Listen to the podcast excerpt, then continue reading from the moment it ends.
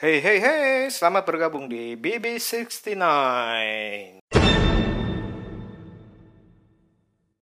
꿈 아니라고. 어, 어떻게 된 거야? 여기요! 호산휴가 49일 정도? 왜 그래요? 못 볼 거 본 사람처럼. 이게 말이 돼? 말이 됐지. 그럼 어떻게? 어떡하지 나? 놀라지 마. 유리가 살아 돌아왔어. 미친놈아 시끄러 49일 동안은 사람인 거야? 우리 부탁 좀 들어주라 우리 서우 보지 않아도 되는 것들 안 보게 해줄게. 소우야. 나 서울 어린이집 다 왔어요. 이게 왜 차가워? 뭐야? 설마 나 지금 사람 됐어? 대체 왜? 갑자기 왜? 보여도 못 보죠 절대 다른 귀신들한테 걸리지 마라 굉장히 닮은 사람들이 간혹 가다가 있을 거야. 쌍둥이처럼 닮은. 정신 나가셨어요? 뭐야 이거? 이거 왜 이래? 도플갱어 본 적 있냐? 딱 49일 안에 네가 원래 자리를 찾으면 영원히 그대로 살 수 있어 안녕 서우야.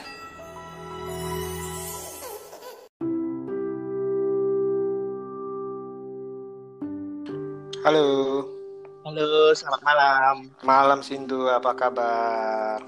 Kak BB. sorry sorry soalnya ini settingannya nih dari tadi internetnya ini agak kacau nih. Oke, enggak apa-apa. Gak apa-apa, oke. Lagi sibuk apa nih? Eh, sementara sih sibuk macem-macem sih. Tergantung ada kerjaan apa dilakuin. Kalau nggak ada ya udah. Biasanya sehari-hari translate materi ataupun macem-macem sih tergantung apa pun itu. Oke oke, jadi uh, benar-benar di rumah ya sekarang ya? Mm-mm. Mantap mantap.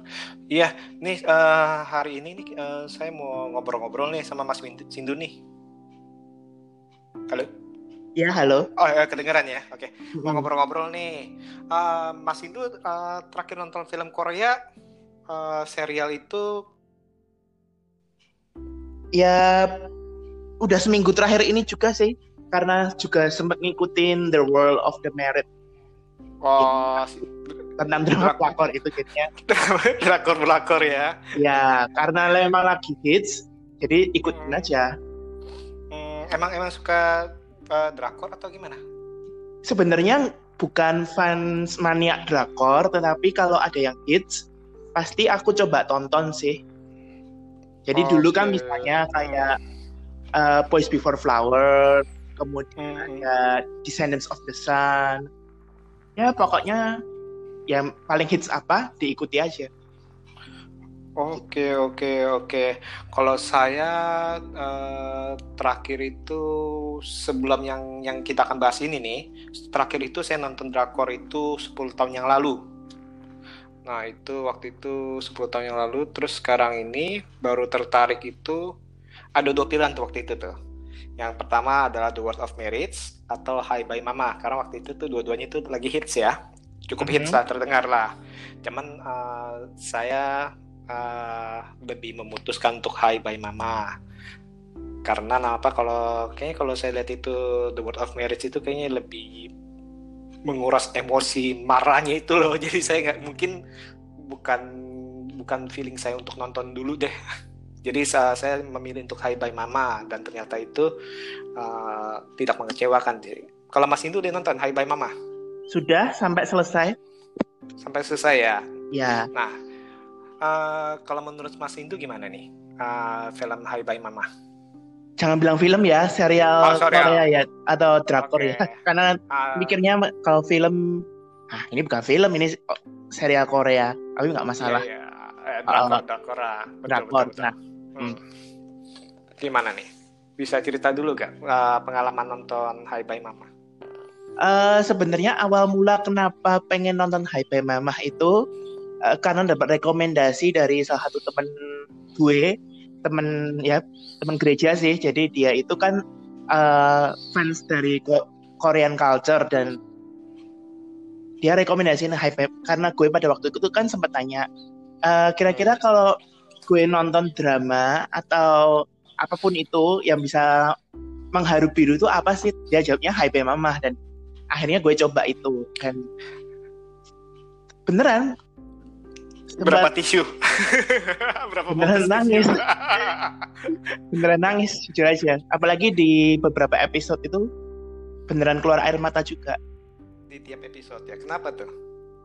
Ya karena satu mungkin yang aku bisa tangkap dari serial itu satu karena chemistry ataupun isi dialog dari karakter satu dengan karakter yang lainnya ataupun eh, ya memang mereka bener-bener pinter main emosi sih jadi antara dua itu sederhananya gitu Hmm. Nah, ini kan eh, mungkin aja ada beberapa nih yang belum nonton eh, drakor ini nih. Boleh cerita gak? eh, istilahnya sekilas aja lah garis besar eh, film eh, drakor ini kisahnya apa? sebentar ya Eh, jadi itu ceritanya sederhananya eh, ada seorang wanita yang sudah meninggal bernama Cayuri. Nah, tapi ketika Cayuri meninggal setelah apa itu melahirkan anaknya karena kecelakaan, eh, dia merasa dirinya tidak tenang di rumah abu itu. Hmm. Kan kalau aku dulu sempat salah koreksi kalau pertamanya itu aku sebut eh, pemakaman, tapi Hmm, ternyata itu hmm. namanya rumah abu Eh, dan dia selama itu selama lima tahun selalu mengawasi kehidupannya anaknya Seowo dan suaminya dan istri terbarunya Sowo istri terbarunya istri kedua dari eh, mantan suami. sua- ya dari eh, dari suaminya itu dan sepanjang lima tahun dia apa itu namanya selama lima tahun kan Cayuri dalam bentuk arwah itu kan apa itu namanya selalu melihat dan bukan melihat ya tapi lebih ke arah mengawasi kehidupan dari mantan suaminya dan anaknya Hmm. tumbuh kembangnya. Nah di akhirnya kan eh, di situ kan misterinya kok bisa mengapa Cayuri bisa dihidupkan kembali walaupun dalam tanda petik tidak 100% manusia. Nah, Hmm. Itu ada satu episode ya mohon maaf kalau ini spoiler buat yang belum nonton. Di situ ternyata adalah doa seorang ibu, ibunya Hmm. itu eh, selalu berdoa dan meminta permohonan kepada dewa untuk menghidupkan Cayuri kembali. Nah, akhirnya istrinya kejawab dan sepanjang ternyata dewa memberikan kesempatan 49 hari kepada Cayuri. Apakah dia akan eh, menentukan tempat hidupnya lagi atau dia akan bereinkarnasi seperti itu. Mohon maaf sekali lagi kalau jadi spoiler atau apa.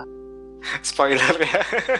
Ya, Jadi pada intinya sih sebenarnya sih ini sih eh, keseluruhan itu sebenarnya itu kisah cinta seorang ibu kepada anak ya. Berarti ya. Baik melalui ibu Cayuri ke Cayurinya atau Cayuri ke Sowo begitu. Hmm, atau malah ke On Min Jung ke Sewon juga ya. Hmm, Ah, bisa jadi. ibu tirinya ibu tirinya juga jadi sebenarnya ini seben- eh, cukup kental sih cukup kental ah, ah, membahas tentang rasa cinta seorang ibu dan seorang kepada seorang anak karena dari arwah-arwahnya juga ternyata itu kalau kita lihat itu ada bermacam-macam tuh ada dalam arti yang ada yang ibu-ibu udah tua nih dia bilang dia masih mengkhawatirkan anaknya nih yang mabuk-mabukan segala macam yang ah, kalau ada masalah mabuk. Nggak taunya pasti kasih lihat anaknya udah tua juga. Kita kan mikir kan anaknya masih muda gitu ya. Nggak taunya udah anaknya udah tua berarti itu eh, ibu itu udah me- meninggal eh, meninggal itu udah lama sekali tapi dia masih memikirkan anaknya juga. Nah seperti itu. Nah kalau dari karakter-karakter yang ada di film ini eh, menurut eh, Mas Hindu gimana nih? Ada yang menarik gak? Bukan menarik sih, tapi lebih ke arah jengkelin. Uh, uh, kok menjengkelin? Oke siapa siapa? yang itu loh, eh, an- seorang ayah, ibu sama anak yang anaknya yang masih hidup itu kan jadi itu jadi apa itu namanya eh, pilot pesawat kalau nggak salah. Nah di situ kan Betul betul. di situ kan jeng jengkelin banget coba. Kira-kira itu emang bener-bener yang bikin eh, serial ini hidup itu ya satunya mereka bertiga itu. Gak ada mereka mungkin ya gak gokil-gokil amat. Jadi 100% sedih. Tapi men- men- ini jengkelnya ini jengkel bener-bener sebel apa jengkel gemes lucu-lucu gemes gitu nih kalau Mas Hindu nih. Awalnya gemes doang sih, geme- awalnya gemes. Hah? Tengah-tengahnya itu Hah? jengkelin. terus akhirnya yang Hah? sebelum dia di dalam tanda petik dibunuh oleh karakter berbaju hitam itu siapa ya? Lupa aku. Karena menyembunyikan? Sowo apa? Atau siapa? Karena menyembunyikan Sowo pada waktu itu ya Hmm. gitu deh pokoknya akhirnya bersimpati sama mereka. Pa- pada akhirnya Ah, simpati ya. Kalau saya nah, kalau saya pribadi justru eh, jengkel-jengkel gemes sih, gemes sih bukannya jengkel sih dalam arti karena dalam art- eh, mereka itu bayangin aja keluarga itu benar-benar khawatir kepada eh, si bontot istilahnya ya. Dan mereka akan berusaha untuk eh, menjaga si bontot itu eh, karena eh, mereka nggak ada nggak ada nggak ada bersama si bontot itu Wah, dari kecil tuh dan uh, yang kisah tragisnya itu kan dikasih tahu ya kenapa tuh latar belakang itu Sa- kisah mereka kenapa bisa meninggal bertiga ya kan ya? Terus kenapa bisa kok khawatir banget nih sama si si bontot nih si pilot Mhm. itu. Nah ini kayaknya review kali ini nih uh, penuh spoiler nggak apa-apa kali ya? Tidak apa-apa. Ah oke. Uh, sebenarnya ini yang pada awal nih saya kira Yuri bakalan jadian sama itu si bontot loh. Enggak sudah ketebak enggak sih. Iya, enggak kalau saya Eh, saya kira ini wah ini jangan-jangan nih apa mau masa sih sama daun muda? Saya pikir kan apa nanti dia jadi istilahnya, eh, jadi sosok eh, sosok yang baru gitu. Ternyata enggak oke oke. Nah sekarang kembali ke karakter nih. Ah, yang tadi itu dari sebenarnya itu banyak banyak karakter yang menarik sih ya dari dari setan ah, dari dalam arti dari arwah-arwah yang yang masih penasaran ataupun eh, latar belakang kenapa mereka bisa meninggal itu sih sebenarnya cukup menarik sih ya. Nah sekarang nih saya mau nanya nih, eh, kalau di dalam film ini apakah ada antagonisnya gak? wah ini tipikal serial yang semacam Disney jadi antagonisnya nggak kelihatan kan kan kalau misalnya contohnya aja aku ambil kenapa aku berpendapat demikian itu Frozen coba ingat pertama kali ketika kita menganggap karakter Elsa ini adalah antagonis pada awalnya karena sedikit sinis jahat dan lain sebagainya tapi ternyata di Hmm. endingnya ya ternyata dia adalah orang yang sosok baik hati kayak gitu. Nah sistemnya Bye Mama itu kayak gitu. Jadi pertama itu kita ngira karakter ibu tirinya siapa itu namanya Sese, ibu tirinya itu. Oh Minjung, Nah itu Minjung. Minjung. Minjung itu itu di sejak episode pertama itu aku mengiranya dia jahat sama si Sogo. Ternyata ketika Hmm. berjalannya waktu hingga episode keberapa gitu ya 14 15 itu terungkap ternyata dia sebenarnya juga mencintai sepenuh hati seorang Sewo tapi emang caranya itu agak berbeda begitu tapi ternyata terselubung punya selubung yang jahat itu justru geng ibu-ibu loh kalau diperhatikan Iya, betul. Ya, betul, kalau- betul, betul. dari sudut pandang Disney-nya itu kan emang ibu tiri, tapi kalau dari sudut pandang yang lain itu kalau ditelisik bener-bener lebih jauh karena mereka kan tukang gosip tuh, jadinya eh, dan akhirnya trio yang baik melawan trio yang jahat itu kan jadi, Seru eh, tuh ya. jadi akhirnya saya akhirnya baru tahu kalau yang jahat itu ternyata bukan ibu tiri tetapi si trionya yang sering nyinyirin atau gosipin keluarganya mereka gitu. Hmm. Dan itu ternyata itu memang uh, di dalam kehidupan nyata juga ya memang kayak gitu. Kadang-kadang itu ya dalam arti ya tukang gosip itu yang makin wah, mereka nggak sadar gitu. Apa yang mereka perbuat itu ternyata itu uh, bisa menyakitkan atau malah berbahaya ya menurut saya ya. Karena bikin bikin orang stres kan itu kayaknya. Depresi ya malah ya ke arah depresi ya. Maksudnya ini kok salah apa? Iya betul, kelihatan banget. Akhirnya kan dipendem kan dari si Minjung itu. Awalnya itu ceria tapi uh, dia dengar oh ini nih ibu tiri nih. Oh ini nggak mirip nih. Oh ini gini. Oh ini gini. Akhirnya itu dari awalnya dia ceria nganter sekolah akhirnya itu jadi orangnya ya uh, pendiam atau malah cenderung apatis. Dia terserah lah uh, cuman nganter pulang nganter pulang. Seperti itu ya. Mm-mm. Betul. Nah, terus abis itu berikutnya adalah pilih mana uh, Chayuri atau Oh Min Jung? Tim mana nih kamu? Kalau bisa, kalau kita bilang It's a very hard question, I- you know. Eh, mau milih Cah Yuri kok ya gitu, milih si Ibu Tiri ya begitu. Tapi ya salut sama kedua karakter ini sebenarnya. Karena kalau andai kata mereka tidak menyembunyikan sesuatu, mungkin eh, Hai Bye Mama ini cukup berdurasi dua jam doang. Kelar. kelar ya. Jadi film layar lebar ya. Tapi di sini kan konfliknya mereka menyembunyikan sesuatu. Nah, makanya itu jadi sebuah film berdurasi eh kok film serial berdurasi 16 jam begitu. Di sini kan yang menjadi poin permasalahannya itu menyembunyikan sesuatu aslinya. Baik eh, siapa itu ayahnya Sewo, lalu Karo Yuri dan, Uh, Kang Hwa. dan lain sebagainya. Semua menyembunyikan misteri. Makanya itu jadilah serial yang cukup panjang 16 walaupun nggak sepanjang Cinta Fitri. Nanti 10 season apa berapa season ya? seribuan episode. Seribuan episode. Nah, jadi nggak bisa ngejawab nih, Yuri Belum. atau Minjung. Belum bisa. Nah, soalnya di satu sisi si Yuri kan uh, beralasan bahwa ya dia kan uh, waktu dia meninggal itu adalah di saat dia lagi hamil, ya kan? Jadi dia dia nggak bisa uh, belum punya kesempatan untuk menyentuh uh, sang anak, hanya melihat aja. Terus uh, dia juga apa ngelihat uh, sang suami hari-harinya itu uh, menghukum diri sendiri, ya kan? Tapi di satu sisi itu harusnya kan dia kan melihat sang suami ini justru uh, percikan kehidupannya itu mulai ada sejak si Minjung datang. Ah, jadi dia mulai balik lagi tuh. Kan harusnya kan dia bisa ngelihat itu tuh. Nah, tapi ya itu tadi itu konflik batinnya itu satu sisi sebagai tanda kutip uh, sisi manusiawinya dari seorang mantan arwah yaitu ya dia ingin mengungkapkan uh, rasa kasih sayangnya kepada sang anak loh. Terutama sang anak loh. Kalau ini kayaknya lebih uh, dia itu nggak terlalu di, di dalam Hai Bye Mama ini uh, hubungan antara dia dan suami itu nggak nggak terlalu di Expose. dibahas.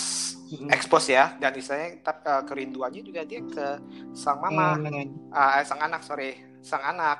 Dan eh, berikutnya adalah dari orang tuanya Yuri si mamanya itu ke Mhm. Yurinya wah kalau si bapaknya mah kayaknya nggak nggak terlalu diekspos juga tuh ya. masih nggak terlalu diekspos untuk eh, cintanya ke Yuri.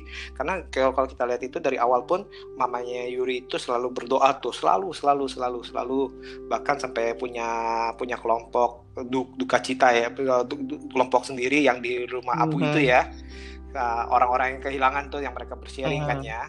Seperti itu sih. Ah, di satu sisi juga si Minjung juga kalau saya sih lebih lebih lebih lebih milih si Minjung sih ya.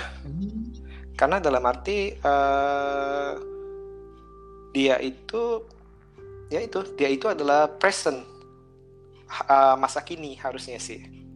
Jadi di saat eh, eh, meninggal habis itu dia mengisi kehidupan si eh, kehidupan sang suami si Kang Hwa terus habis itu dia eh, membesarkan anaknya dengan kasih sayang tuh. Akhirnya kan dikasih klipnya itu ya eh, dikasih ceritanya itu bahwa bahwa pas dia lagi bikin kopi ya kan? Tiba-tiba si si Wu-nya itu nangis dia langsung datang. Mm-mm, betul. kan ya? Ingat nggak? Nah, seperti itu sih. Terus habis itu gimana dia harus rela uh, mengundurkan diri dari karirnya ya, waktu itu ya. Nah, dia ngomong ke sang suami, ya nggak apa-apa, nggak apa saya ngundurin diri aja, saya pengen membesarkan uh, anaknya, walaupun bukan anak kandungnya loh. Nah, itu keputusan besar sih kalau saya pribadi sih, justru entah kenapa saya lebih simpati terhadap si Minjung sih. Mhm. Mm-mm, seperti itu sih. Nah, terus kalau Kang Hua gimana sang suami ini kalau menurut kamu? Eh, sang suami dari sudut pandang apa dulu? Apakah karena dia menyembunyikan atau gimana atau gimana atau gimana? Ma, istilahnya sepertinya kok pelin-pelan milihnya. Tanda kutip pelin-pelan. Kalau yang dari sudut pandangku sendiri ya, kalau sang suami ini Hmm, sepanjang hmm, aku hmm. menonton Bye Mama ini kan eh, suami atau bapak kandung dari Sowo ini kan seorang dokter.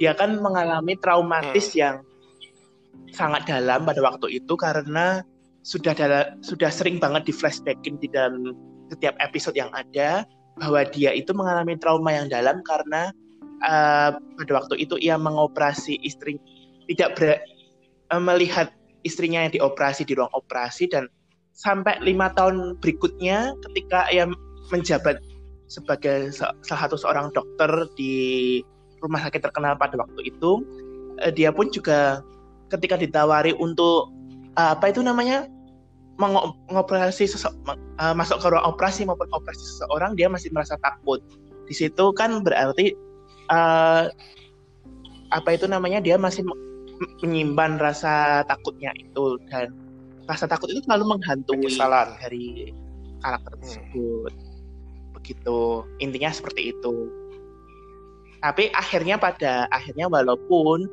eh, dia memutuskan setelah bertemu dengan Yuri di salah satu episode itu dia akhirnya berani mengubah skeptisnya dan akhirnya diputuskan eh, untuk mengubah itu. Akhirnya dia diputuskan hanya untuk observasi saja tapi tetap saja dia masih ketakutan dan akhirnya ya begitulah untuk endingnya masih agak sedikit kurang jelas apakah dia masih tetap menjadi dokter bedah atau tidak aku juga kurang tahu karena yang Mm-mm, beneran tahu kan hanya kreatornya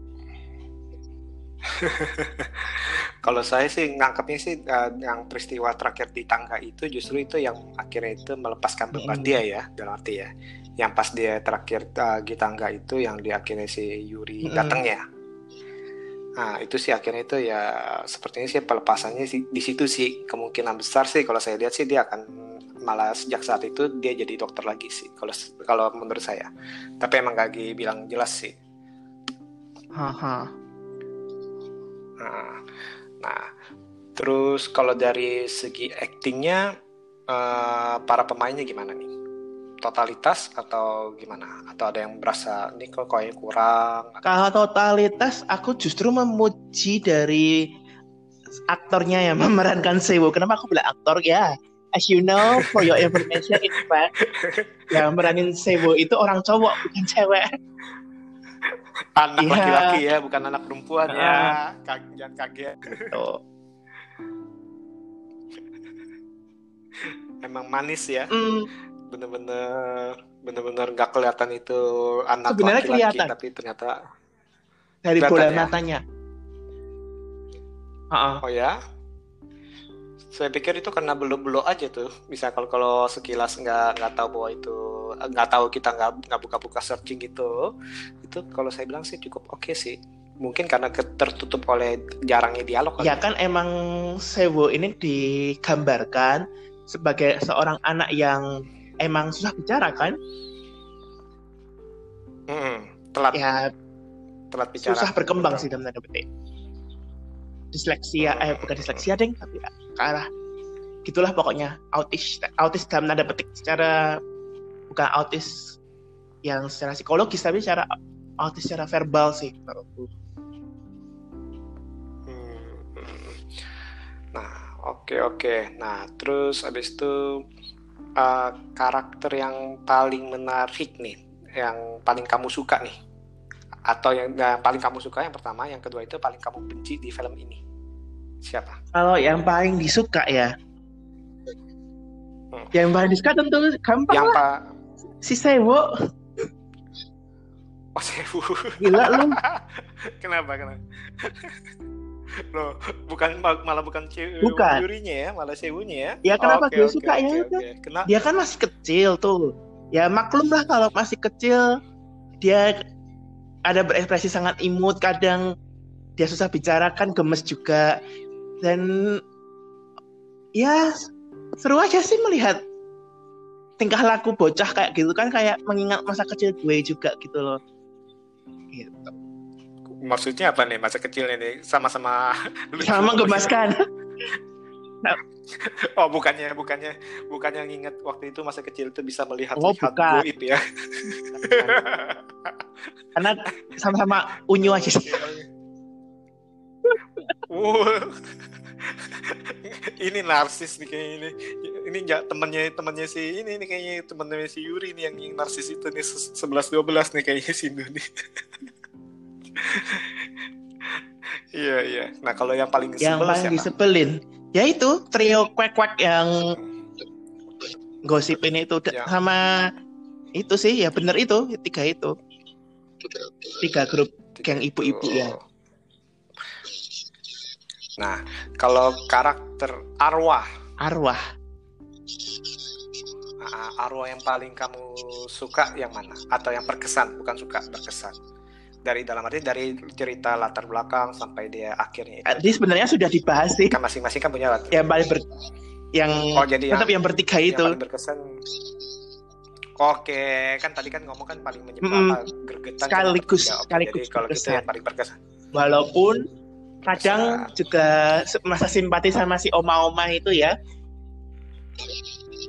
mama yang punya Ya, anak lagi sakit juga sakit ya. kanker kalau nggak salah Nah, Bu, Betul betul betul. Yang nahan sakit karena dia mendengar sang ibu ngomong juga seperti itu ya.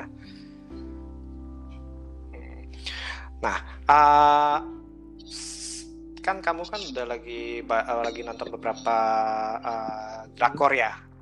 Ada rekomendasi gak drakor yang yang menurut kamu cukup oke nih untuk untuk uh, para pendengar atau untuk saya uh, ngikutin nih selama um, zaman pandemik ini. Kak yang kalau aku rekomendasiin sih Descendants of the Sun sih. Ya, i- itu adalah sebuah kisah romantis yang menurutku sih agak seru juga tuh diikuti walaupun sederhana antara tentara angkatan dan orang biasa tapi itu seru banget sih.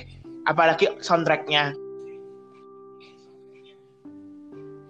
soundtracknya soundtracknya Enak, enak, ya katanya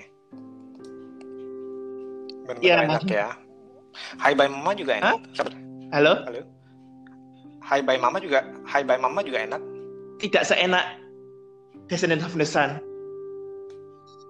oke oke oke jadi benar-benar eh, selain filmnya Hmm. bagus soundtracknya enak eh, yang main ganteng dan cantik Yes. yes juga lagi ya Song-song couple kalau oke hashtagnya nanti song-song couple. Mau lihat the Sun. Oh gitu ya. Oke oke. Nah sebelum kita tutup nih, katanya mau bahas sesuatu nih. Apa kenapa disebut eh, alter ego-nya ya? Apa, Ya, gimana? Mengapa memilih eh, istilah babi buntel? Dan saya mengapa lebih Oke. memilih latte? Monggo duluan. Saya duluan. Oke, baik. Nah, kenapa saya memilih babi buntel 69 ya? Oke. Yang eh, yang pertama eh, dari kecil, dari kecil itu saya eh, bisa bilang bertubuh tambun. Ya sekarang sih nggak nggak terlalu cabi-cabi aja. Ah, jadi saya sudah terbiasa dengan eh, celaan gendut, saya celaan ge- eh, endut segala macam yang awalnya itu eh, menurut saya itu sebuah hinaan ya awalnya ya. Tapi lama-lama malah saya eh, saya saya terbiasa dan itu merupakan pujian buat saya malah. Jadi saya udah bisa menerima itu pada pada bah- bahkan beberapa itu eh, bocah gendut, botut istilahnya segala macam itu saya udah terbiasa. Dan itu ternyata itu menjadi satu trademark buat saya. Kenapa babi? Saya mikir, oke, kuda nil bisa, babi bisa, gajah bisa, istilahnya itu bisa. Ya, tapi saya pikir, oh babi lucu juga sih. Ya udah, babi buntel. Kenapa bukan babi gendut? Ya, ya nggak kenapa-napa. Cuman akhirnya kan milihnya kan kayak gitu, babi buntel, babi gendut, apa kuda nil atau apa. Nah itu kan bisa tuh. Nah, Tapi akhirnya saya memilih, oh ya, yang yang gendut ya babi. Ya udah babi. Nah, kenapa 69? 69 itu ya, bukan bicara tentang pornografi karena pasti eh, identiknya dengan pornografi ya 69 ya hmm. oke 69 posisi 69 bukan bukan. Sama sekali bukan. 69 itu merupakan kalau kita lihat itu itu eh, lambang keseimbangan uh, yin dan Hmm. yang.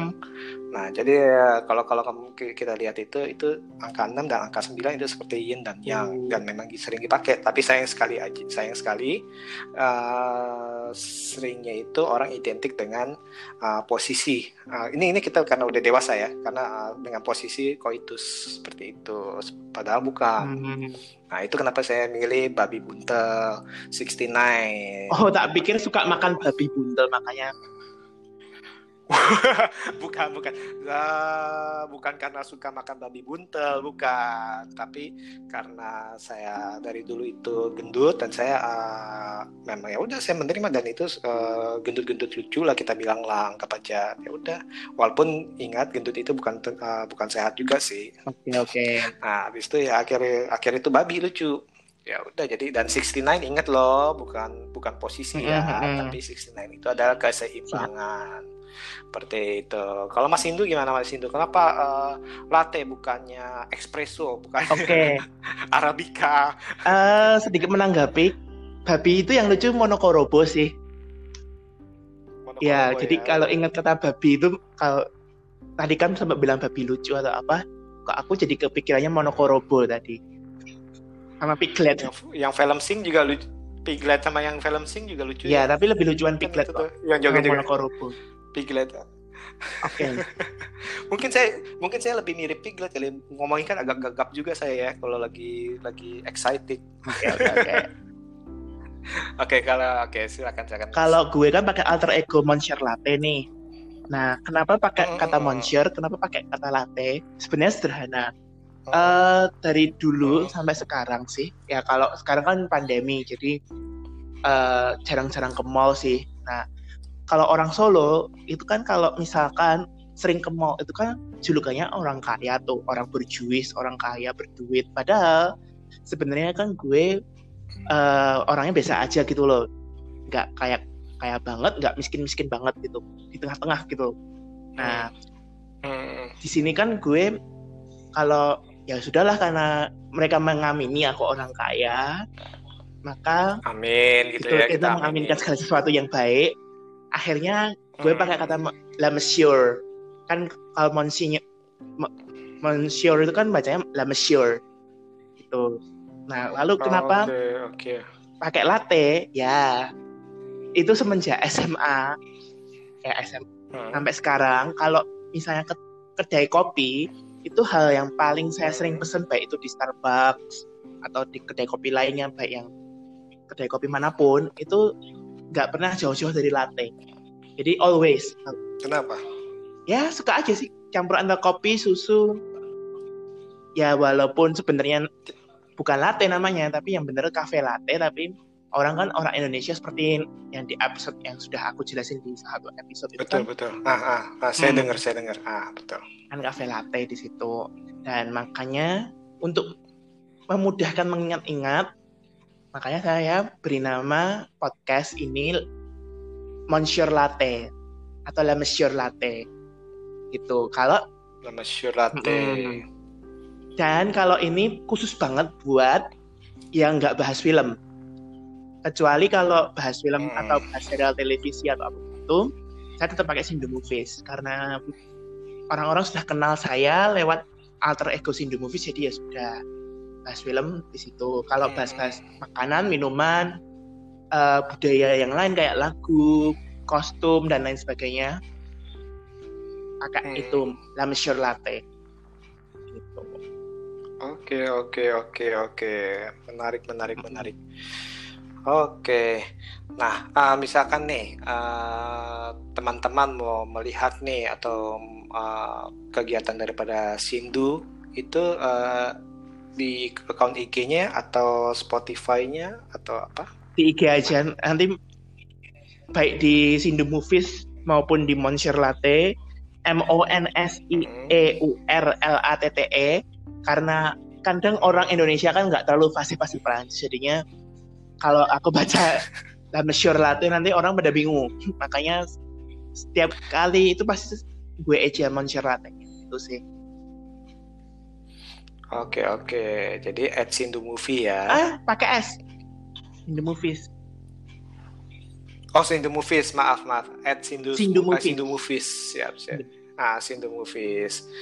Oke deh kalau gitu. Terima kasih banget lo jadi teman bincang-bincang lo ya. Oke, kalau gitu nanti kalau kita ada kesempatan lagi kita bincang-bincang untuk hal lain Oke. ya. Oke, terima kasih Mas Indu. Nah. Bye.